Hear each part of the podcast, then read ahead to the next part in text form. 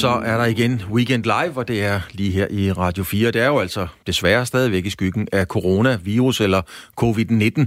I de næste to timer kigger vi på udvikling og konsekvenser i forbindelse med covid-19, og vi, det er i dag Maja Hall, og det er Claus Elgaard.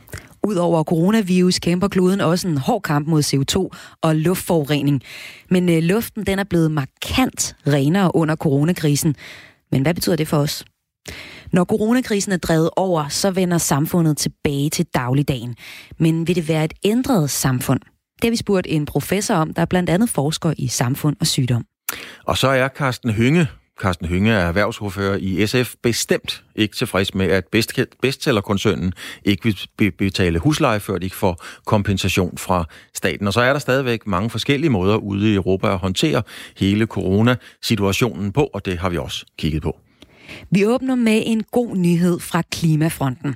For kampen mod coronavirus har givet en markant bedre luftkvalitet i Danmark. Indholdet af kvælstofoxider i luften er faldet med 40 procent. Det viser en måling fra de fire største danske byer, København, Aarhus, Odense og Aalborg, der er foretaget af det Nationale Center for Miljø og Energi. Og hovedårsagen det er den faldende biltrafik. Nu skal jeg sige velkommen til dig, Ole Hertel, viceinstitutleder og professor ved Institut for Miljøvidenskab ved Aarhus Universitet. Du har været øh, med til at lave den her øh, undersøgelse. Hvor ren er luften i Danmark lige nu? Jamen, som du netop var inde på, så er øh, luftforureningen i de fire største byer faldet, når vi, når vi snakker om kvælstofoxider, faldet med cirka 40 procent. Og det er jo selvfølgelig et udtryk for, at øh, folk pendler mindre, end de har gjort øh, tidligere øh, her i den her periode, hvor de, hvor de er blevet bedt om at holde sig hjemme. Øh, så vi har set en, et markant fald i trafikken, og det har så også givet et markant fald i luftforureningen i byerne. Og hvad betyder den her forbedring af luftkvaliteten for øh, min sundhed? Jamen, vi ved jo alt andet lige, at det giver nogle øh, forbedringer. Øh, vi ved, at på øh, dansk plan, øh, der regner vi med, at ca. 4.000 øh, for tidlige dødsfald kan tilskrives luftforurening i Danmark. Øh, nu er det så ikke, ikke øh, hovedparten af det, der, der, til, der kan tilskrives den lokale trafik, men, men det, vil give et, et, det vil give en forbedring, det er der ingen tvivl om. Hvor længe vurderer du, at den her, det her niveau skal opretholdes, for at det får sådan store effekter og redder menneskeliv?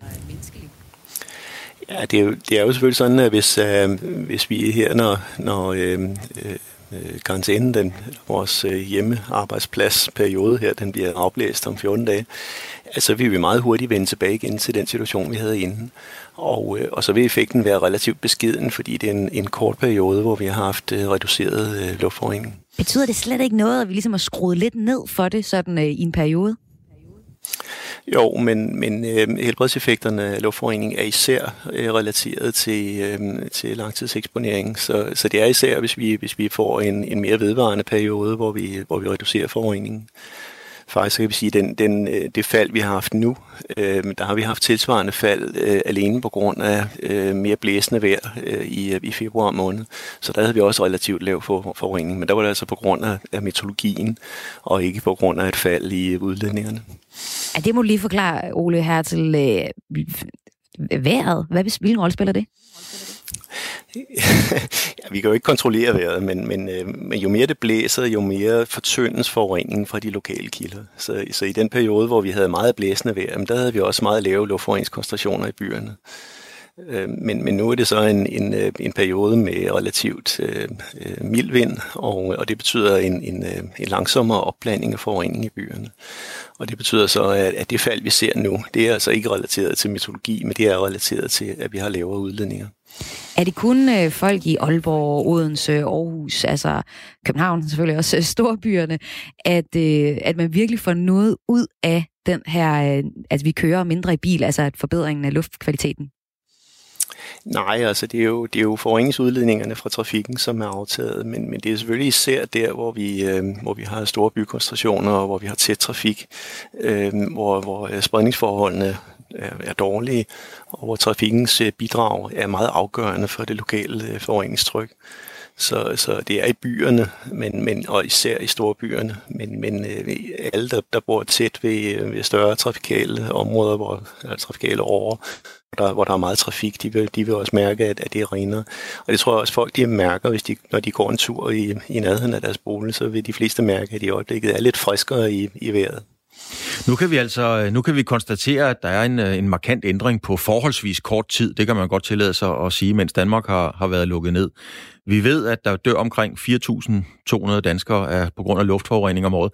Er det her ikke en fantastisk lejlighed til ligesom at sige, nu har vi faktuelt belæg for at sige, at hvis vi gør noget radikalt, så hjælper det altså også på, på, på klimaet omkring os. Altså indføre de restriktioner eller noget tilsvarende, som man gør i forbindelse med coronavisen, og bruger det til at sige, nu skal der ske noget, nu kan vi se, det virker.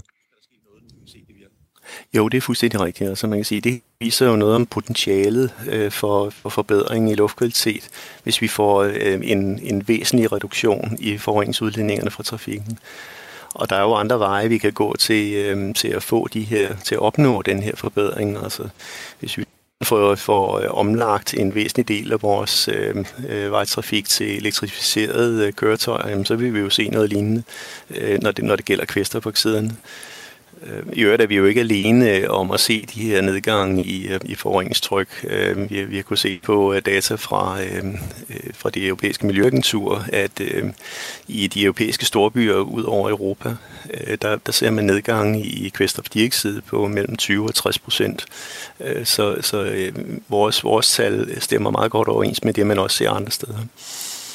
Men nu ser vi jo, øh, eller nu håber vi, at rigtig mange ikke kommer til at dø af, af corona, covid-19. Øh, så er det jo fjollet bagefter at dø af luftforurening. Altså mange af de restriktioner, som, øh, som øh, er i øjeblikket, det er jo adfærdsændringer, det er vores handlemåde.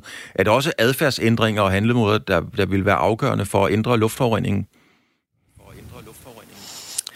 Altså, man kunne i hvert fald også godt gøre nogle ting den vej. Altså man kunne sige, øh, øh, hvis vi kan få folk over i at og, øh, cykle og bruge offentlig transport, vil det give noget reduktion i vejtrafikken. Hvis vi kunne for eksempel øh, øh, aftale, at øh, øh mange arbejdspladser øh, anvender måske en enkelt uge i dag, hvor man arbejder hjemme, ja, så vil man jo også reducere sin pendling og dermed også øh, sit, sin udledning fra, fra øh, køretøjer i, under pendlingen. Så der er nogle forskellige ting, man kunne, man kunne overveje og som det her måske kan give noget inspiration til, fordi vi nu ser de her øh, markante fald i, øh, i luftkval- øh, luftforurening. Ole Hertel, øh, viceinstitutleder og professor ved Institut for Miljøvidenskab ved Aarhus Universitet. I har lavet den her undersøgelse, der viser, at lige nu, fordi vi alle sammen er øh, arbejder hjemme, eller rigtig mange gør, så er der færre biler på vejene, og det betyder, at der simpelthen er mindre luftforurening. Det her det er jo et helt vildt eksperiment, som beviser, at øh, kører man mindre i bil, jamen så er der mindre luftforurening. Er det her simpelthen et, øh, et unikt eksperiment, som, øh, som I har fået lov til at lave forskning på øh, nu, Ole Hertel?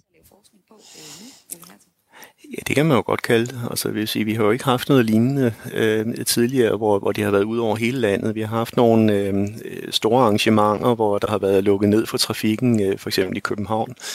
Øh, og altså, for eksempel havde vi øh, cykel-VM for, for et par år siden, hvor, hvor man øh, selvfølgelig også så et fald øh, i, øh, i udledninger fra vejtrafikken. Øh, der var så nogle andre kilder under, under øh, cykel-VM, som, som også influerede der. Men, men det er første gang, vi har sådan et, øh, skal vi kalde det fuldskala eksperiment, hvor, hvor øh, trafikken lukker ned i hele landet og, og faktisk også ud over Europa.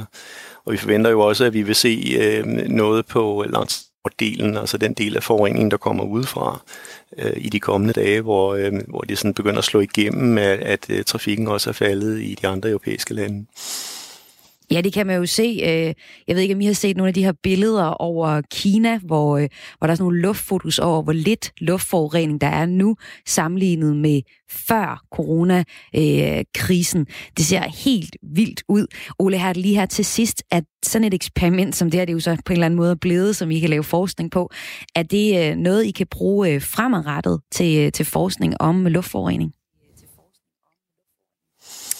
I hvert fald i den, i den kommende tid prøve at, at, at se på, om vi kan kvantificere øh, den helbreds, øh, forbedring af, af helbredseffekter, som, som, øh, som de her fører til.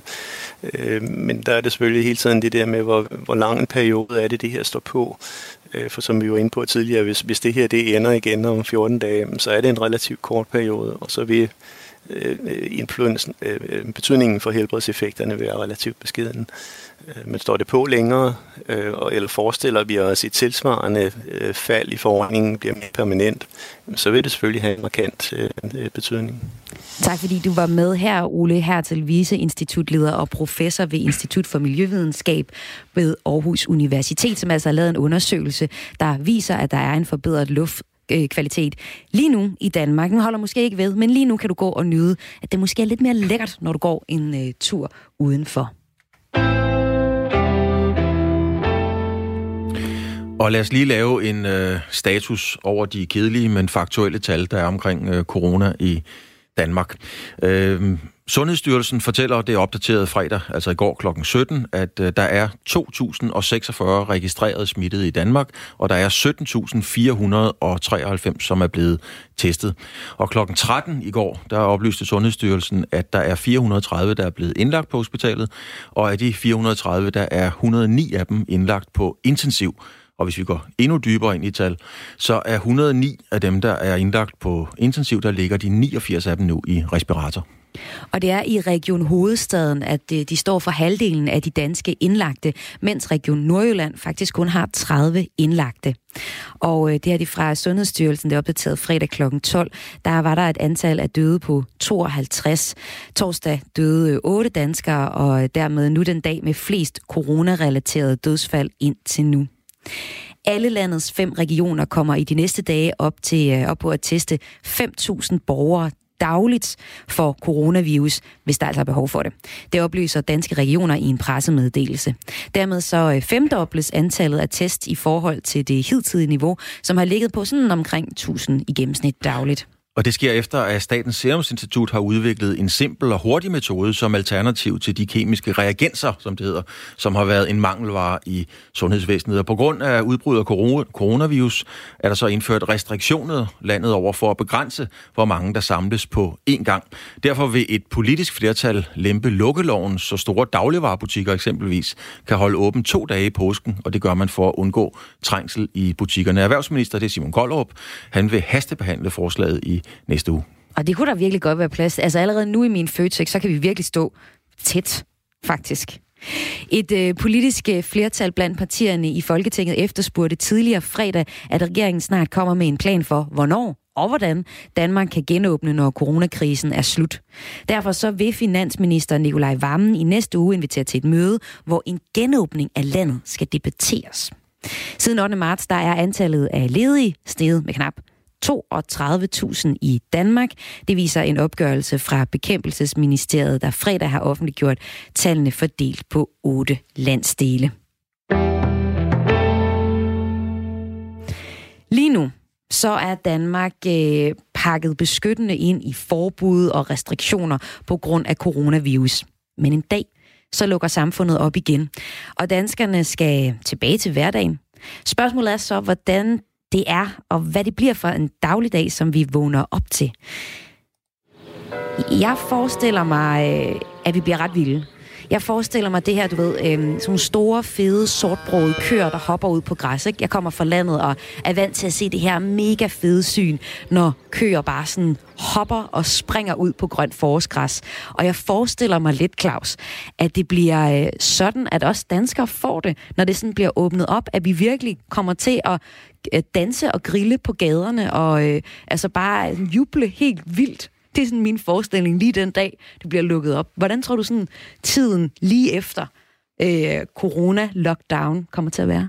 Altså, det, øh, Maja, det lyder jo rigtig, rigtig hyggeligt, det ja. der. Og ligesom de siger i Harris, eller jeg, jeg, vil godt have det samme, som hun har fået.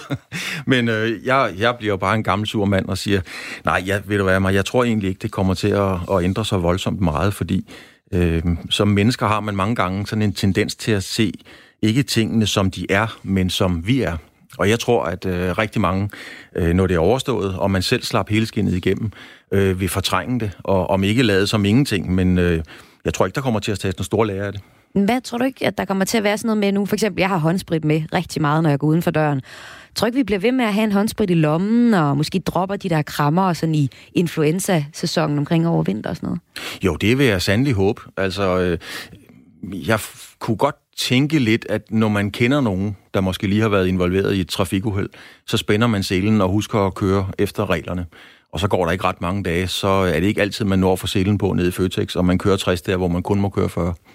Ja.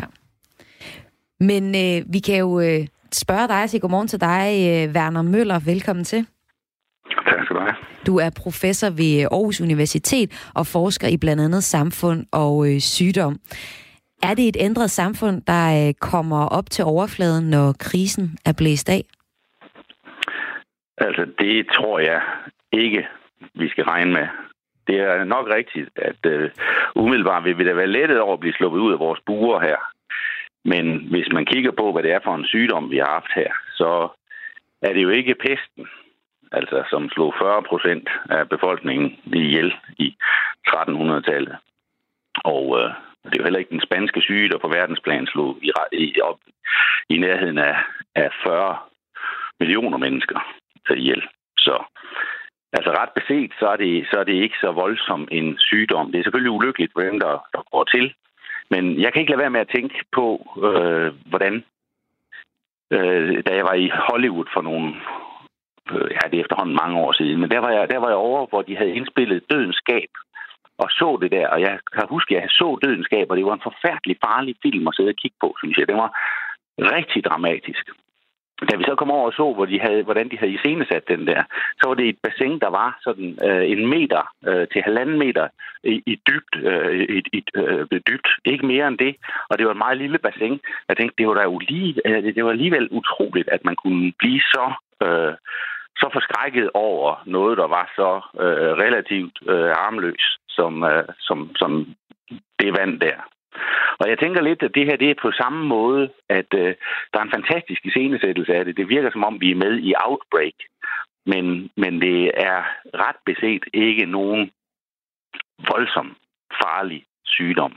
Men Werner Møller, jeg skal lige forstå billedet rigtigt, fordi jeg har også været der. Der, hvor du har været, kan jeg høre, det er Universal Studios, og der sejler sådan en plastikhaj rundt på halvanden meters vand, og det er rigtigt, det er rigtig, rigtig meget spændende.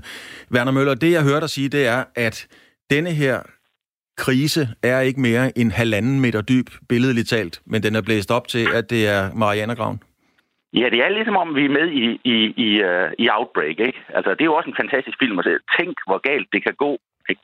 Men når vi ser, hvor galt det går, jamen, så er det altså uh, ret begrænset. Hvis vi kigger på den spanske syge, så uh, var det 40 millioner, uh, op i nærheden af 40 millioner, som, ble, som døde der. Det der. Dem, der døde, var øh, unge mænd mellem 20 og, og, og, og 40 år, hvis det var sådan, at det var unge mænd, altså i deres bedste alder, så kunne det godt være, at man ville være øh, noget forsigtig. Men det vi jo egentlig har med at gøre, det er, at det er altså en sygdom, som er øh, farligst for folk, som i forvejen er øh, syge og dårlige, og som øh, øh, før eller siden, øh, det kan selvfølgelig lyde kynisk, men altså nok vil, vil, vil, vil være død inden for en 15 år under alle omstændigheder.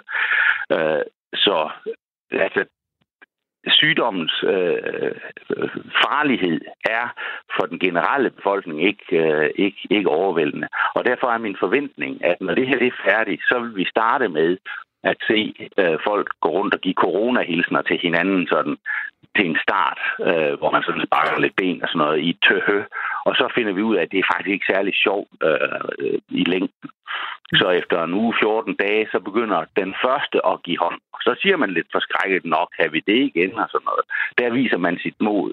Men og fra man Møller... har givet det første håndtryk, så er vi på plads igen. Men Werner Møller, vi har folk, der mister deres job hver dag. Altså vil du have, at der skal være 40 millioner døde, før vi øh, tager det her alvorligt? Nej, sagen er jo fordi, det er jo fordi, at vi ikke vil have, at folk, der, der skal dø 40 millioner. Altså det er angsten for, at der dør 40 millioner, der gør, at vi nu offrer så mange arbejdspladser, som vi gør. Men, men Werner, er det ikke et meget sympatisk samfund, hvor man, øh, hvor man beskytter de svage? Altså, øh, er det ikke ligesom vores pligt, som, som, øh, som ja, Mette Frederiksen bruger jo hele tiden ordet, at vi skal vise samfundssind. Det bliver det nye ord måske, samfundssind. Men er det ikke et meget smukt samfundssind at beskytte de svage? Absolut. Absolut. Det er jo en del af vores øh, kristne kulturarv, at øh, man skal, at hvert øh, liv tænker eller tæller, og, og at, at, at vi skal tænke på alle, og øh, vi skal have de svageste med. Øh, der er ikke noget liv, der er, øh, der er mere værd end andet. Så selvfølgelig ud fra sådan en tankegang, så er det øh, meget sympatisk. Det jeg prøver at sige, det er blot, at når vi er hen over krisen, og vi kigger tilbage, og vi har fået begravet vores øh, øh, de, de medborgere, som, som, øh, som ikke kunne stå øh, sygdommen igennem, øh, når vi har begrædt det øh, længe nok, så vil vi vende tilbage til normal. Det vil ikke være sådan, at vi siger, hey, det er super farligt i Kina, hvor, der er, hvor hygiejnen er, som den er. Vi vil aldrig rejse derud. Vi holder op med at handle med dem. Vi holder op med at transportere os over grænser. Vi tager ikke på ferie, fordi vi er bange for spind. Alt det der, det er øh, sådan noget, man godt kan, kan, kan forestille sig vil ske, men det kommer ikke til at ske. Men hvis man Verden nu, øh, Werner, du er jo også, du gør det jo også ud i det filosofiske. Hvis nu vi tager Darwin, darwinisterne, øh, Charles Darwin sagde jo, øh, det er survival of the fittest, altså den bedst egnede overlever. Hører jeg dig sige, at det er ikke de, altså det er ikke, der er ikke den naturlige udskillelse i samfundet lige nu, som, som, som, øh, som Darwin lagde op til? Altså, nu skal man jo passe på med, med at bringe Darwin ind i sådan en situation som den. Man kan havne i en shitstorm for at sige sådan noget som helst. Men, men det, er jo, det er jo rigtigt nok, at sygdom har det jo med at høste øh, de svageste. Og, og i biologien har det jo, har, er det jo sådan, det har foregået. Øh, og, og det er fordi, vi har sat os ud over vores biologi, at en sygdom, øh, altså den, øh, vi har sat os ud over den øh, naturgivenhed der, at, at en, øh, en, en sygdom som den her får så øh, alvorlige øh, konsekvenser, som den øh, har fået for gamle øh, mennesker, som i en naturtilstand var gået bort for længst. Men, men, men Werner, du skal lige uddybe det for mig, Werner Møller. Er det et, øh, øh, er det fordi det er det kristne samfund? Er det, er det det, der er problematik eller udfordringen? Nej, Nej altså, vi, vi, altså, vi er jo lavet til at leve øh, sådan biologisk, der er vi lavet sådan til at, at, at, at, at, at have et liv på en 50 år. Altså det er sådan, det vi er designet til. Men fordi vi lever øh, på, i, i, i de her fantastisk veludviklede samfund, som vi gør, altså nogenlunde ligesom øh, altså et, et samfund i et zoologisk have i et bur, ikke, så, øh, så lever vi altså noget længere. Og, og, og, og, og det gør, at vi bliver øh, jo med alderen mere skrøbelige, og derfor vil sygdomme som, øh, som den her øh, corona, den vil øh, få en meget mere dramatisk effekt. Man kan jo se, at et land som Italien, hvor, som har en meget, meget gammel, altså et, et, et, et af det næsthøjeste gennemsnit øh, på alder. Øh, Japan er det, der er højere, men ellers har de verdens ældste befolkning, og det er dem, der er hårdest ramt. Men vi kigger, hvis vi kigger, vi kigger jo på det ud fra, eller det ser det der ud til, ud fra et humanistisk synspunkt, altså vi hjælper de svage. Men hvis, hvis jeg hører dig, så kan man også kigge ud på fra et helt lavpraktisk øh, synspunkt og sige, jamen nogen må gå til for at bevare øh, flokken stærk. Altså, sådan har det jo været øh, rent biologisk, men det kan vi jo ikke sige i dag, at vi skal. Altså, vi sætter jo alt ind, altså det øh, på at, at, at holde, holde liv i, i mennesker øh, så længe som muligt. Øh, og det er jo en del af, af, af civilisationen, at vi gør det. Øh, I den her sammenhæng, der ser vi bare, hvor, øh, altså, hvad det får af konsekvenser sådan, øh, økonomisk, som vi ikke har set øh, tidligere. Men, så vi, det, det, er en, det, er en, det er en meget dyr humanisme, som vi, øh, som vi præsenterer. Du, Werner Møller, du får det til at lyde, nu nævnte du selv ordet shitstorm tidligere, jeg ved ikke, om den ligger i din underbevidsthed, men du får det til at lyde sådan helt bibelsk. Det, jeg tror ikke, der er noget bibelsk i det. Altså, jeg har ikke noget øh, sådan voldsomt nært forhold til, øh, til den bog. Werner Møller, du skal have mange tak, fordi du havde tid til at komme med dine øh, synspunkter og din vurdering af, hvad det er for et samfund, vi vågner op til. Det var en fornøjelse. Tak, tak skal du have.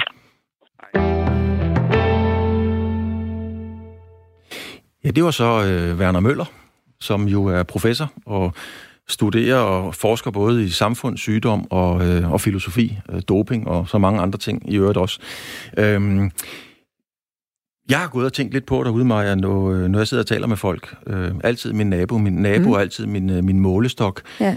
Øhm, vi plejer at kunne snakke om alting, øh, og, og virkelig gå til grænsen, men jeg har altså lagt mærke diskutere, eller diskutere og sådan ja, ja, ja. nogle ting. Mm. Men øh, jeg har lagt mærke til, generelt synes jeg, at folks lunde er blevet kortere. Der er faktisk nogle ting, hvor jeg tænker, nej, den lader lige ligge, den tager vi ikke i dag, det er en anden dag. Nu drikker vi en kop kaffe eller en kold øl, og lad den ligge, fordi den kunne godt give anledning til, at man talte lidt højere. Hvad, hvad er det for nogle ting, for eksempel? Jamen, det kunne være fuldstændig øh, banale, fuldstændig ligegyldige ting i den her sammenhæng, som Liverpool, er de bedre end United? Ja. Kan de vinde uh, næste års Champions League? Hvor man kan sidde og grine af det og spænde nogle ender over det. Men lige pludselig bliver det sådan uh, en meget personlig ting. Øh, jeg har lagt mærke til, at folk tager nogle ting meget personligt op, og noget, der egentlig bare kunne være en small talk, synes jeg mange opfatter som næsten et angreb på, på deres person og deres holdninger. Øh, og det kan godt være, at jeg selv agerer sådan også. Jeg har bare lagt mærke til, at, øh, at jeg synes, at lunden er blevet kortere. Ja, altså jeg tror også, at min lunde er blevet kortere. Da min kæreste her den anden dag lige havde antræk til at hoste lidt, der var jeg sådan Nils, det orker jeg simpelthen ikke. Jeg orker ikke at være øh, øh karantæneramt i 14 dage. Du må lade være med at syg. Det var han gudskelov ikke. Men det her med, at man i hvert fald ændrer adfærd i den her tid, det kan jeg virkelig godt ikke genkende til. I går der var ude at gå en tur, hvor der var en, en kvinde, som øh, vredt stoppede op ude foran mig og sagde, kan du lige trække lidt mere ind i rabatten? Det ville man jo aldrig have gjort før selv, hvis jeg fyldte lidt meget på fortoget. Det synes jeg nu ikke, jeg gjorde, men, men det her med, at der skal ikke så meget til, før vi lige sætter hinanden på plads. Altså både min kæreste og, og fremmede mennesker på gaden, så jeg kan faktisk sagtens se, at vi ændrer sig, og dig, der lytter med, måske har du også oplevet det, at der er noget, der ændrer sig i den her tid. Altså måske er din lunde lidt kortere, eller måske er du mere inkluderende over for din partner og børn i hjemmet. Det kan du skrive ind på sms'en 1424. Send en besked til 1424. Beskeden skriver du R4, laver et mellemrum og skriver din besked. Ja, så tænker jeg, hvis man tænker de lidt store tanker, det er ikke mig for ondt, det er jo Werner Møller og sådan nogle folk som ham, der skal tænke store tanker. Men hvis lunden er blevet kortere i de små ting, så, så kan jeg da godt blive bekymret over, når man begynder at diskutere religion, kristendom imod islam for eksempel, indvandrerpolitik og den slags, skal vi sige, tunge emner, hvis, hvis tolerancetærsken i forvejen er blevet endnu kortere. Og øh, nu snupper vi et nyhedsøjeblik. Weekend Live, vi er tilbage på den anden side af det.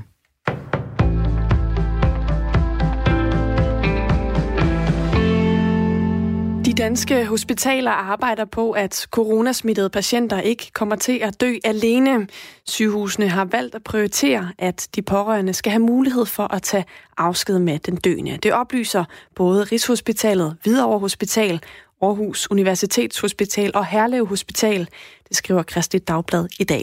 Selvom pårørende til coronasmittede på hospitaler i øjeblikket ikke kan komme på besøg på grund af smittefaren, så har de nærmeste pårørende stadig mulighed for at komme på et kort visit, hvis patientens tilstand er meget kritisk. Men det er kun en lille kreds, der får mulighed for at sige farvel, og de vil skulle være iført værnemidler, som for eksempel forklæde og maske. Preben Engelbrecht, der er leder af det nationale sorgcenter, vurderer, at nogle pårørende vil være ked af, at de ikke kan tage en normal afsked. Det bliver i hvert fald noget sværere øh, afsked, fordi at der bliver meget mere øh, distance, blandt andet på grund af, at man sidder med maske og værnemidler øh, med videre. Øh, så det bliver noget mere øh, kompliceret, og der vil sikkert også være nogle efterfølgende, som vil være kede over ikke rigtig har fået taget den, som man kan sige, en godsøjne lidt normal øh, afsked. Og også det med, at besøgene er meget kortere, de pårørende skal også tage stilling til, hvem der skal have mulighed for at sige farvel. Og det er ikke nogen nem beslutning i en i forvejen svær situation, lyder det. Der vil også være nogen, som jo øh, måske føler sig snydt øh, for, i forhold til at få tage afsked, og som heller ikke får set øh, vedkommende, øh, som skal, øh, skal dø. Og vi ved jo fra, også fra soveforskning, hvor utrolig vigtigt det er både at få mulighed for at, sige, for, for, for at tage afsked, men også for at se øh, afdøde. Og det er også rigtig svært i de her øh, coronatider. Og netop afskeden med de døende i de her coronatider bliver diskuteret på europæisk plan blandt sorgcentrene, fortæller Preben Engelbrecht, der altså leder det nationale sorgcenter her i Danmark. 22 danskere er natten til lørdag dansk tid på vej fra Peru mod Europa. Syv er kommet med et tysk fly til Frankfurt, mens de 15 andre er ombord på et østrisk fly, der har kurs mod Wien. Det oplyser Udenrigsministeriets borgerservice på Twitter. Perus præsident Martin Vizcarra meddelte den 15. marts, at der vil blive indført nødretstilstand i landet på grund af coronasituationen, og siden er al kommersiel luftfart til og fra Peru indstillet, hvilket også har betydet, at flere danskere altså er strættet. En person er kommet til skade efter en skudepisode i Husum i aftes. Det oplyser Københavns politi her til morgen. Vi har fundet et antal afskudte hylstre på stedet, fortæller vagtchef Henrik Stormer. Der mangler stadig tekniske undersøgelser, og politiet arbejder fortsat derude, tilføjer han her til morgen. Fredagens skudepisode i Husum, det er den fjerde skudepisode i og omkring København på godt en uge. Finlands politi har oprettet 30 kontrolposter på hovedveje for at holde hovedstadsregionen Usimar isoleret fra resten af landet. Og derudover så er der blevet indsat mobile patruljer på de mindre veje. Det sker i forsøget på at inddæmme smittespredningen af coronavirus. Den her omfattende kontrol er trådt i kraft ved midnat natten til i dag. Og i tre uger, der vil regionen her, hvor hovedstaden Helsinki ligger, være lukket for ind- og udrejse, skriver det norske nyhedsbyrå NTB. I, fredag, I går undskyld, havde Finland registreret flere end 1000 smittetilfælde, og syv personer er døde som følge af coronaviruset. Men myndighederne oplyser, at de officielle tal for smittede, de næppe svarer til virkeligheden, fordi man regner med, at der er et stort mørketal. Lad os tage et kig på vejret her til sidst. Tørt vejr med en del sol i dag, men i perioder kan det også stadigvis blive skyet. 7-12 grader, og så får vi en let til frisk vind.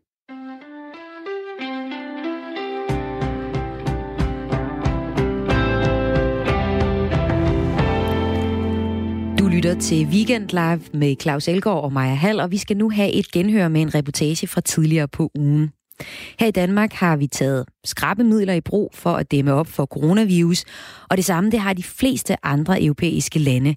Men der er stadig stor forskel på, hvad man må og hvad man ikke må rundt om i øh, Europa. Vores reporter Mads Anneberg ville gerne have været på reportage i den lille belgiske by Barle Hertog, der faktisk ligger sådan geografisk i nabolandet Holland, og øh, derfor varierer coronareglerne i byen sådan fra gade til gade. Men øh, med, som med så meget andet den her tid, så måtte Mads Anneberg ty til øh, aktuelle hjælpemidler for at lave den her reportage. Det, I skulle have hørt her, det var en reportage fra en øh, lille landsby, som har nogle helt særlige udfordringer i de her coronatider. Og det er fordi, at byen den er delt op i en hollandsk del og en belgisk del. Og i de to lande, der er det ret forskelligt, hvad man må lige nu på grund af corona. Byen den hedder Barle Hertog, eller Barle Nassau, alt efter om man er i den belgiske eller den hollandske del. Og før jeg siger mere om det her, så hvis man bare lige opfordrer jer alle sammen, alle der lytter med, medmindre I kører bil selvfølgelig, til at åbne Google Maps på jeres telefoner, og så finde den her by. Barle, B-A-A-R-L-E, bindestreg, Hertog, H-E-R-T-O-G. Desværre er der jo nogle problemer forbundet med at lave journalistik i den her tid. For det første vil man jo ikke være en del af smittespredningen. Og det har jeg så prøvet at løse ved at binde min optager fast på et halvandet meter langt kosteskaft, som jeg så kunne stikke hen til folk og interviewe dem på den måde. Øh, men det andet problem, det er, at Belgien har lukket grænserne, meget ligesom Danmark. Og for at komme til den her lille by, så skal man altså krydse grænsen til Holland. Og jeg tænkte, det går nok, øh, hvis jeg skriver et lille brev, øh, hvor der står, at jeg skal over grænsen for at lave det her interview. Øh, men så får jeg fat i ham, som er borgmester på den belgiske side af byen.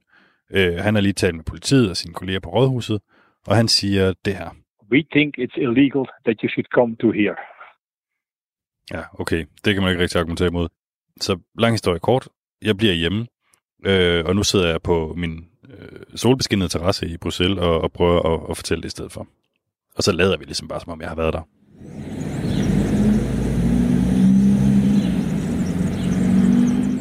Hvis I har fundet Barle Hertog på et kort, så vil I kunne se, at det er sådan lidt en form for klosterfok af grænsedragninger.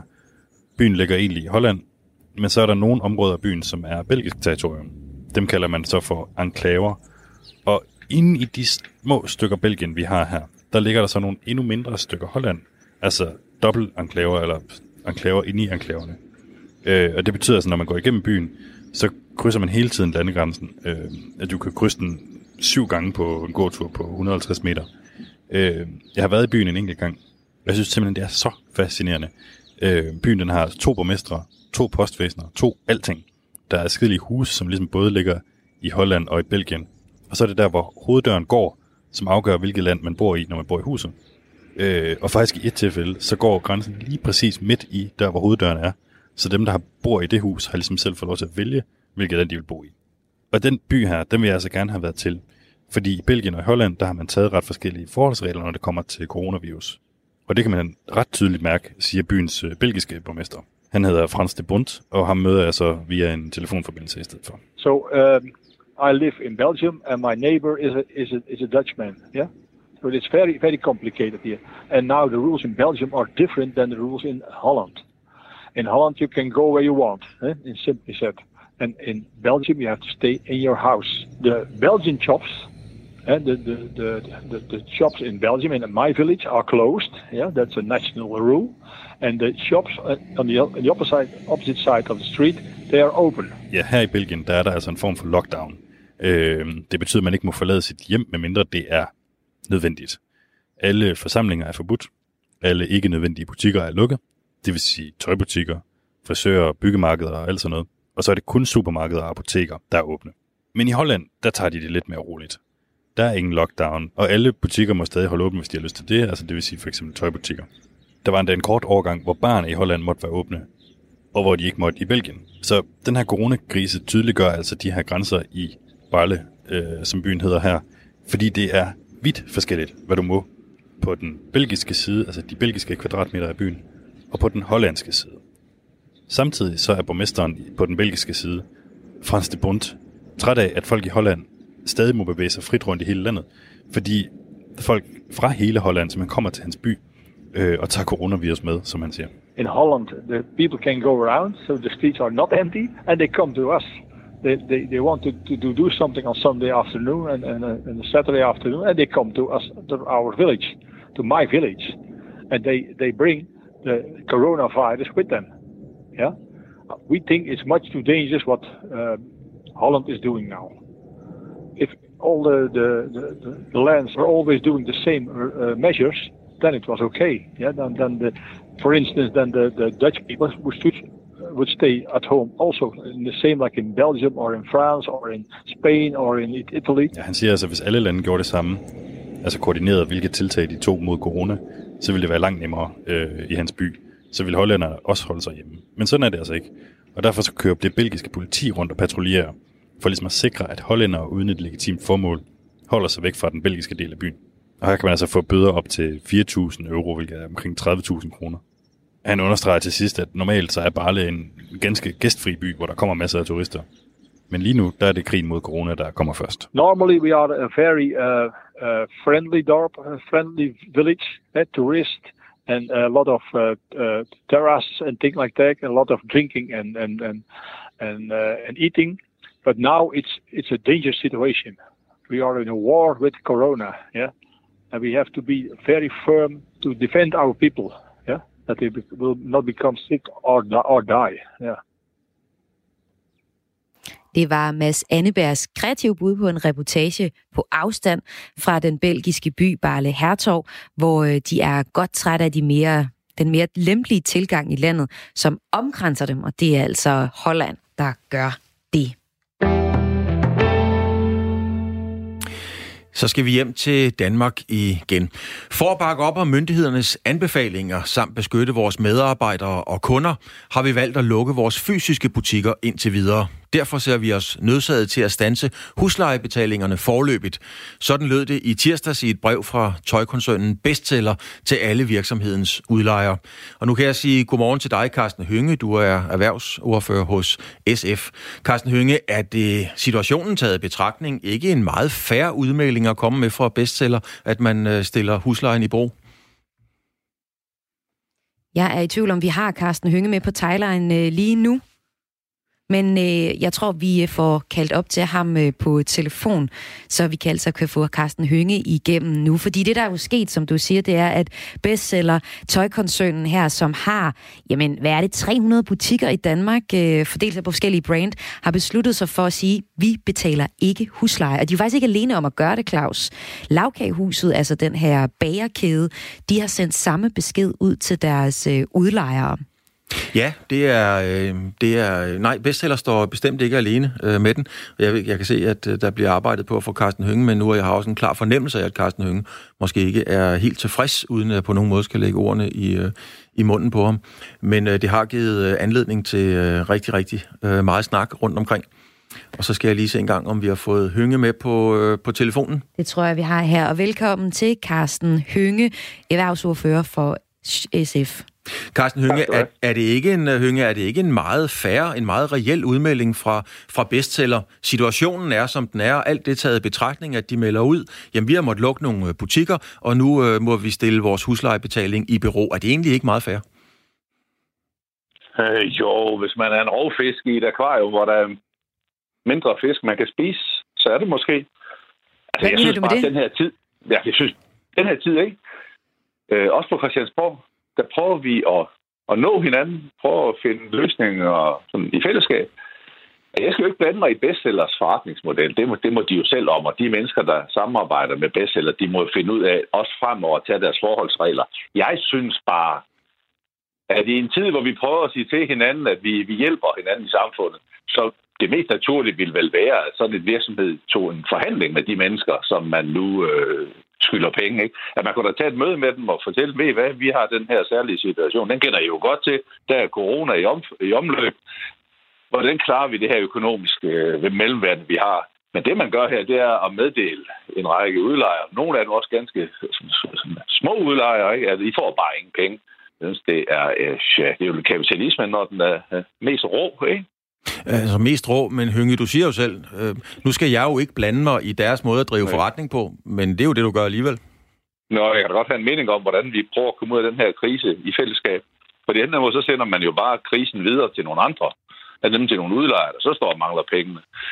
Og så er det bare, jeg spørger, altså, når, du, når, når du nu spørger mig, så er det bare det, jeg svarer Altså, er det den måde, vi vil igennem den her krise på som samfund, at vi sådan skubber byrderne over på hinanden, i stedet for at prøve at finde ud af at løse det i fællesskab? Jeg synes, vi skal gøre det sidste. Man kan sige, at det er et råb om hjælp fra bestseller og jo altså også lavkagehusets side. Vil, det være, øh, vil du være mere tolerant over for den her handling, hvis det nu var en, en lille uafhængig øh, virksomhed, eller sin lille juiceforretning, der var startet op på de få midler, som ejeren har kunne skrabe sammen øh, ved at tage et lån i huset?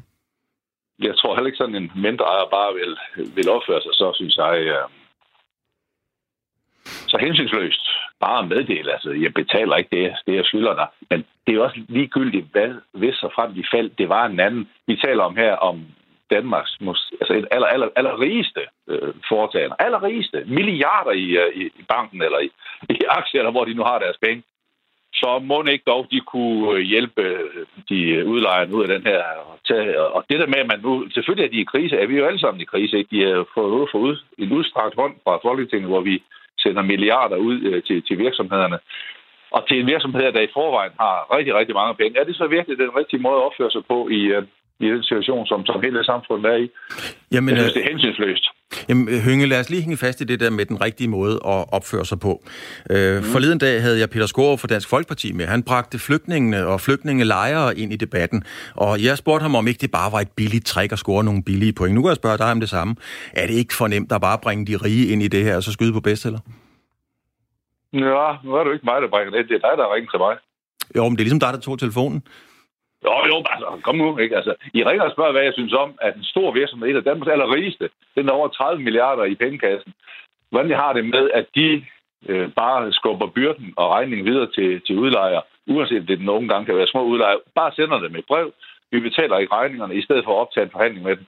Når du spørger mig om det, så svarer jeg det, jeg svarer det. Jeg synes, det er helt upassende, den måde, som Peter Skår bringer flygtninge ind i det. Jeg bringer ikke hverken flygtninge eller andre ting i det, men det her, det er dog en ting i samfundet, som foregår i dag, og hvor vi andre prøver at lave fælles løsninger, der sådan rummer hinanden og hjælper hinanden. Og det her med at være en stor rovfest, der bare kan være ligeglad med de små fest, det synes jeg ikke om. Nu, nu kaldte du det kynisk. Altså, øh, prøv lige at uddybe det, Hønge. Hvad, hvad mener du med det her? Det er kynisk. Ja, jeg synes, det er at tænke kortsigtet på sin egen pengetank, øh, i stedet for at tænke på, hvad er nu godt for, at vi alle sammen kommer ud af det her. Og her må vi alle sammen prøve at tage nogle hensyn. Øh, og her synes jeg jo, at man som en kæmpe stor, meget stærk, altså økonomisk stærk virksomhed, er det så stilen, at man bare sender et, et brev, hvor man jo for så vidt kynisk bare meddeler, altså de penge, I skulle have til den første, den får I ikke alligevel. Altså, og en virksomhed, der også har fået en fremstrakt hånd fra, fra samfundet ved, at vi er villige til at, at lave en, en aftale med dem, som kan betale en stor del af deres omkostninger, når de skal afskede folk så er det bare, jeg synes måske ikke, at det er det, øh, vi skal gøre. Heller ikke virksomhederne imellem. Om de har ret til det, altså juridisk det der, skal, det skal jeg ikke komme klog på. Jeg får mig i hvert fald bare ikke om stilen. Men nu er bestseller jo en, en tøjkoncern. Altså, hvis jeg hører dig rigtig, Hynge, så er det her for dig lidt kejserens nye klæder. Altså, man øh, bekender kulør. Ja, ja, det kan der måske være noget om, altså, at du begynder kulør på den måde, mener du, at, at hver af sin egen, altså, altså selv nærmest, altså ved at virksomheden her tænker, på deres eget næste årsregnskab, uanset at man har masser af penge til godt at kunne klare sig igennem over for, for udlejeren, og så vælger man den her den her det barske måde, ikke? Så på den måde har de det bekendt kulør. Men altså, nu skal vi jo ikke på den måde vel lade os overraske over, at øh, store virksomheder, de, også små virksomheder selvfølgelig, de, de, tjener, de tænker på at tjene penge, men øh, så er det så det bare her, det, altså, så er der bare andre, der vil komme til at dø af, at de reagerer på den måde. Men, men, men Hynge, uanset hvad, selvom det er os, der har ringet til dig, det var du fuldstændig ret i, men, men du benytter det jo også som en kærkommen lejlighed til at komme af med din synspunkt og dine holdninger og kalde kapitalismen for kynisk. Jo, jo, jeg er politisk ordfører for et venstreorienteret parti, og jeg mener da også her, at der skal kan man godt altså, markere, hvordan, hvordan virkeligheden også er. Vi prøver bare at have en situation nu her, hvor også alle fløjene i Folketinget bøjer sig mod hinanden, at vi prøver at hjælpe hinanden igennem den her krise. Og det er en ånd, vi er i i dag, synes jeg, som er, er faktisk en situation, hvor demokratiet er smukkest i Danmark. Det er, at vi har fundet ud af at lave alle de her ting i fællesskab. Også ting, hvor vi jo her pumper rigtig mange penge ud til virksomheder. Det gør jeg også som venstreorienteret til at sige, at jeg synes, det er vigtigt, at vi holder hånden under vores virksomheder og under arbejdspladserne. Og så er det bare, øh, når jeg nu bliver spurgt, hvordan jeg har det med, at en meget, meget stor, meget velhavende virksomhed, øh, synes jeg, behandler de mindre samarbejdspartnere hensynsløst. Ja, til det svarer jeg så, at det, det synes jeg ikke er øh, den måde, vi skal ud af krisen på, ved at man prøver at, at redde sig selv ved i virkeligheden at slå mindre samarbejdspartnere måske slå dem ihjel, fordi de ikke kan klare sig uden at få de her penge. Jeg synes da bare, det er usædvanligt dårlig stil, og det er hensynsløst over for andre virksomheder i Danmark, der jo også skal overleve. Det er ikke kun bedste, der skal overleve. Dem, de arbejder sammen med, skulle også meget gerne overleve, så de arbejdspladser er der fremover. Carsten Hønge, erhvervsordfører i øh, SF. Vi arbejder selvfølgelig på at få et interview med bestseller for at forholde dem en kritik som din og, og hvad der ellers mm. kommer. Et spørgsmål til dem. Hvad kunne du godt tænke dig at spørge bestseller om, når vi har dem med forhåbentlig i morgen? Altså om de har tænkt konsekvenserne igennem. Altså ikke bare for dem selv, men har de virkelig tænkt konsekvenserne igennem for, for de mennesker, de arbejder sammen med. Og så det næste spørgsmål til dem, synes jeg skulle være, hvad nu hvis resten af samfundet opfører sig sådan over for hinanden, når Danmark er i krise? Altså skulle, skal alle bare sådan tænke kortsigtet på sig selv? Men, men, men Hønge, nu har, øh, nu har bestseller jo fået en ordentlig bredside fra dig som øh, den store kyniske kapitalist. Øhm, de brødføder jo altså rigtig mange mennesker, som i øvrigt betaler mm-hmm. skat, der kan være med til at få samfundet på fod igen, når alt det her er overstået. Ja. Hvad med udlejerne? Skulle de ikke også vise, statsministeren siger, samfundssind og være en lille smule mere fleksibel i det her? Jo, det synes jeg faktisk. Jo, men det, det, det, det mener jeg tilsvarende også. Altså, jeg, jeg, jeg ved jo også, at nogle udlejere øh, over for andre, endnu mindre virksomheder, skulle tage og vise sig imødekommende. Så det har du helt ret i. Jeg synes netop, det, det er det, der er min pointe, det er, skulle vi prøve at finde nogle, nogle fælles løsninger her, for vi har, kan have jo, vi kan have andre situationer, hvor det udlejer, der er den store koncern, og hvor de har nogle små øh, butikker, der er lejet ind.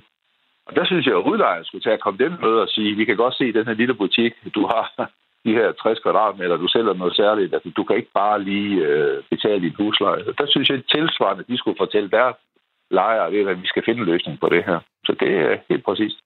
Tak skal du have, Carsten Hønge, erhvervsordfører i SF. Tak fordi du havde tid og lyst til at være med øh, her til morgen. Velbekomme.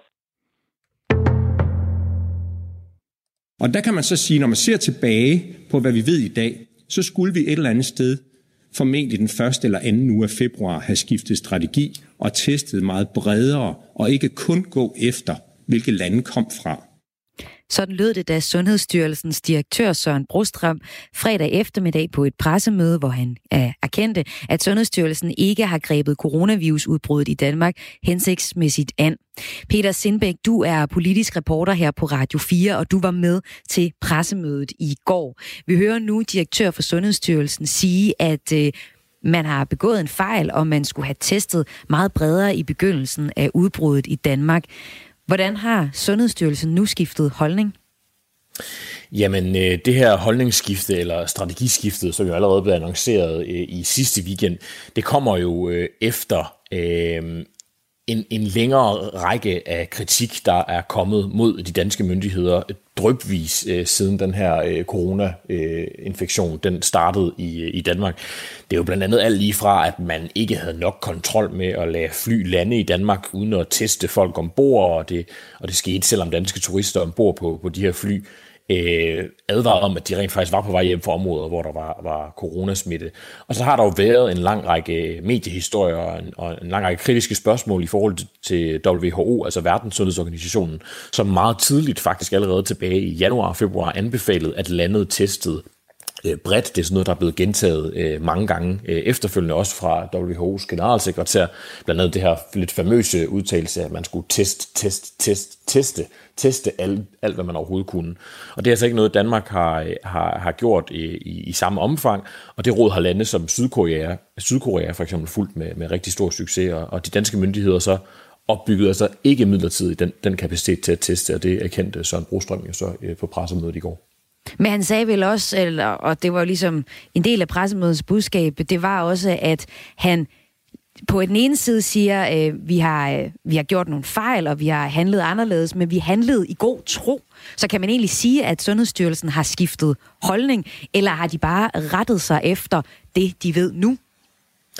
Det er jo så også det, altså en, en, stor, en, en stor del af det, Søren Brostrøm og myndighederne generelt fik sagt på pressemødet i går, det var jo, at vi begår fejl, og vi lærer også af vores fejl, og vi står i en situation, som vi ganske enkelt ikke har prøvet at stå i før. Så derfor er det jo også ganske naturligt, at man har en strategi, og at man så ser på, hvad det er, man gør. Man lytter til den øh, input, øh, som han sagde flere gange, man, man får fra både samarbejdspartnere og eksperter, og så retter man kursen til den proces er ikke altid øh, køn, den er ikke altid lige frem, og den kan, også alt, den kan også meget ofte være svær at kommunikere. Det var en selvstændig pointe fra Søren Brostrøm på, på pressemødet i går. Det er, at der måske har været en tendens til blandt danske journalister at fokusere lidt for meget på sprækkerne øh, og, og komme i, øh, gå efter at finde sådan det, han kalder, og som jeg tidligere har omtalt som søgte uenigheder øh, mellem myndigheder og regering i forhold til, hvordan den her strategi bliver øh, eksekveret. Og det, øh, det gjorde han altså meget ud af at sige, at at jo, man, man, man korrigerer kursen. Det er sådan set ikke fordi, at man, man, alt det, man har gjort er forkert, men nu justerer man, så man lever op til de forventninger, som, øh, som der er mange, der har, både til WHO-systemet, men også øh, generelt til regeringens indsats. Yes, Jørgen Brostrøm bred faktisk lidt om arbejdsro øh, i, hele, yeah. i hele Sundhedsstyrelsen, så de kunne kigge fremad. Peter, øh, der har jo været nogle forskellige måder at gribe det her an på for, for Sundhedsstyrelsen og, og de øvrige, der står inde ved de her pressemøder, som du jo har fulgt intenst. Øh, jeg fornemmede lidt øh, i, på et tidspunkt, der prøvede man ligesom at informere sig ud af et problem. Det er meget, meget sjældent, at sådan noget lykkes. Så har man lagt sig fladt ned og sagt, undskyld, vi har kvejet os. Hvor lang tid kan man blive ved med ligesom at, skal, at komme videre og bevare, øh, øh hvad skal man sige, både værdighed og troværdighed? Hvor lang tid kan de blive ved med at, at ændre kurs? Jamen altså, man kan sige, på den ene side, så er det jo, øh, hvis man har en kurs, og der så er nogle problemer med den kurs, og man korrigerer den, det, det tror jeg, man, altså det, det, det tror jeg ikke, der er nogen problemer med, at man sådan korrigerer kursen voldsomt. Jeg tror, det der har været problemet her, det har været, at der har været for mange skiftende meldinger, og der har været et, hvad kan man sige, et sammenstød mellem, at en regering har haft øh, nogle politiske beslutninger, og så er der nogle sundhedsfaglige myndigheder, som har skulle ligesom legitimere de beslutninger, eller i hvert fald nikke øh, ja eller nej. Men og øh, der skal vi lige se, om vi får Peter Sindbæk øh, tilbage igen. Han er politisk reporter her på Radio 4 og var med til det pressemøde, der var i går, hvor Sundhedsstyrelsens direktør Søren Brostrøm, øh, altså i går fredag eftermiddag på et pressemøde, erkendte, at Sundhedsstyrelsen ikke har grebet coronavirusudbredet i Danmark hensigtsmæssigt an. Og jeg skal lige se, om vi stadig har Peter på. Vi prøver lige at få ham med på en øh, telefon. I på pressemødet i går, der var der, der var WHO's regionale direktør i Europa, Hans Kluge. Han deltog også i pressemødet, og når man hørte ham øh, fortælle og, og på pressemødet, så var han meget positiv, eller meget man sige, diplomatisk anlagt over for Danmarks øh, reaktioner. Der var flere øh, journalister, der spurgte kritisk ind til, har vi testet nok, har vi gjort tingene på den rigtige måde, og gør vi det fortsat? Og der var Hans Kluges øh, pointe, at, øh, men, at vi faktisk havde på mange måder gjort det rigtige, og at det var enormt godt, at vi havde et sundhedssystem, der var så, eller der er så godt, som det er. Så, så vi fik ham ikke rigtig til det, som i hvert fald nogle journalister fiskede lidt efter, om vi havde gjort noget jeg forkert. Og jeg kan høre, at Peter Sindbæk, du er på igen. Du er politisk reporter her på Radio 4, og var altså med på det pressesmøde, som uh, Sundhedsstyrelsen holdt i går. Nu fortæller jeg lige lidt om, hvad hans klue, altså WHO's regional direktør i Europa, fortalte øh, på pressemødet. Altså han var jo overordnet set ret øh, positivt stillet over for, eller diplomatisk stillet over for, hvordan Danmark øh, har håndteret øh, sagen. Er det, kan man ikke godt sige det? Jo, jeg skal lige beklage, der var en øh, spur på senderen. Men øh, jo, altså nu siger du diplomatisk, og det tror jeg er det helt rigtige ord her. Øh, jeg tror, der var mange, der havde forventet, at WHO's regionale øh, direktør i Europa måske ville have kommet ud og været lidt mere konkret i forhold til den danske indsats, og have sagt, jamen når vi har den her globale øh, opfordring om, at man skal teste, teste, teste, så kunne det jo også være, at man vil sige noget til et land som Danmark, som lige præcis ikke har testet øh, i samme øh, omfang. Men han var meget diplomatisk, nemlig han startede med at sige, at øh, det danske sundhedsvæsen og de danske myndigheder har vist et meget højt niveau af modenhed og øh, hvad kan man sige, omstillingsparathed og fleksibilitet i den her øh, proces. Og det er jo sådan nogle ord, man kan lægge rigtig mange ting ind i, og han stod ved siden af Søren Brostrøm, og jeg tror, det er øh, et vigtigt signal at sende, at øh, WHO, som har været kernen i mange af de her, hvad kan man sige, den kritiske dækning af regeringen og myndighedernes håndtering af den her sag, stod lige ved siden af og ligesom gav en eller anden form for moralsk øh, opbakning. Og det fortalte Peter Sindbæk. Øh, nu er klokken næste ni, og der er tid til nyheder. Peter Sindbæk, du er også med bagefter igen, hvor vi skal tale mere om politikernes udmeldinger.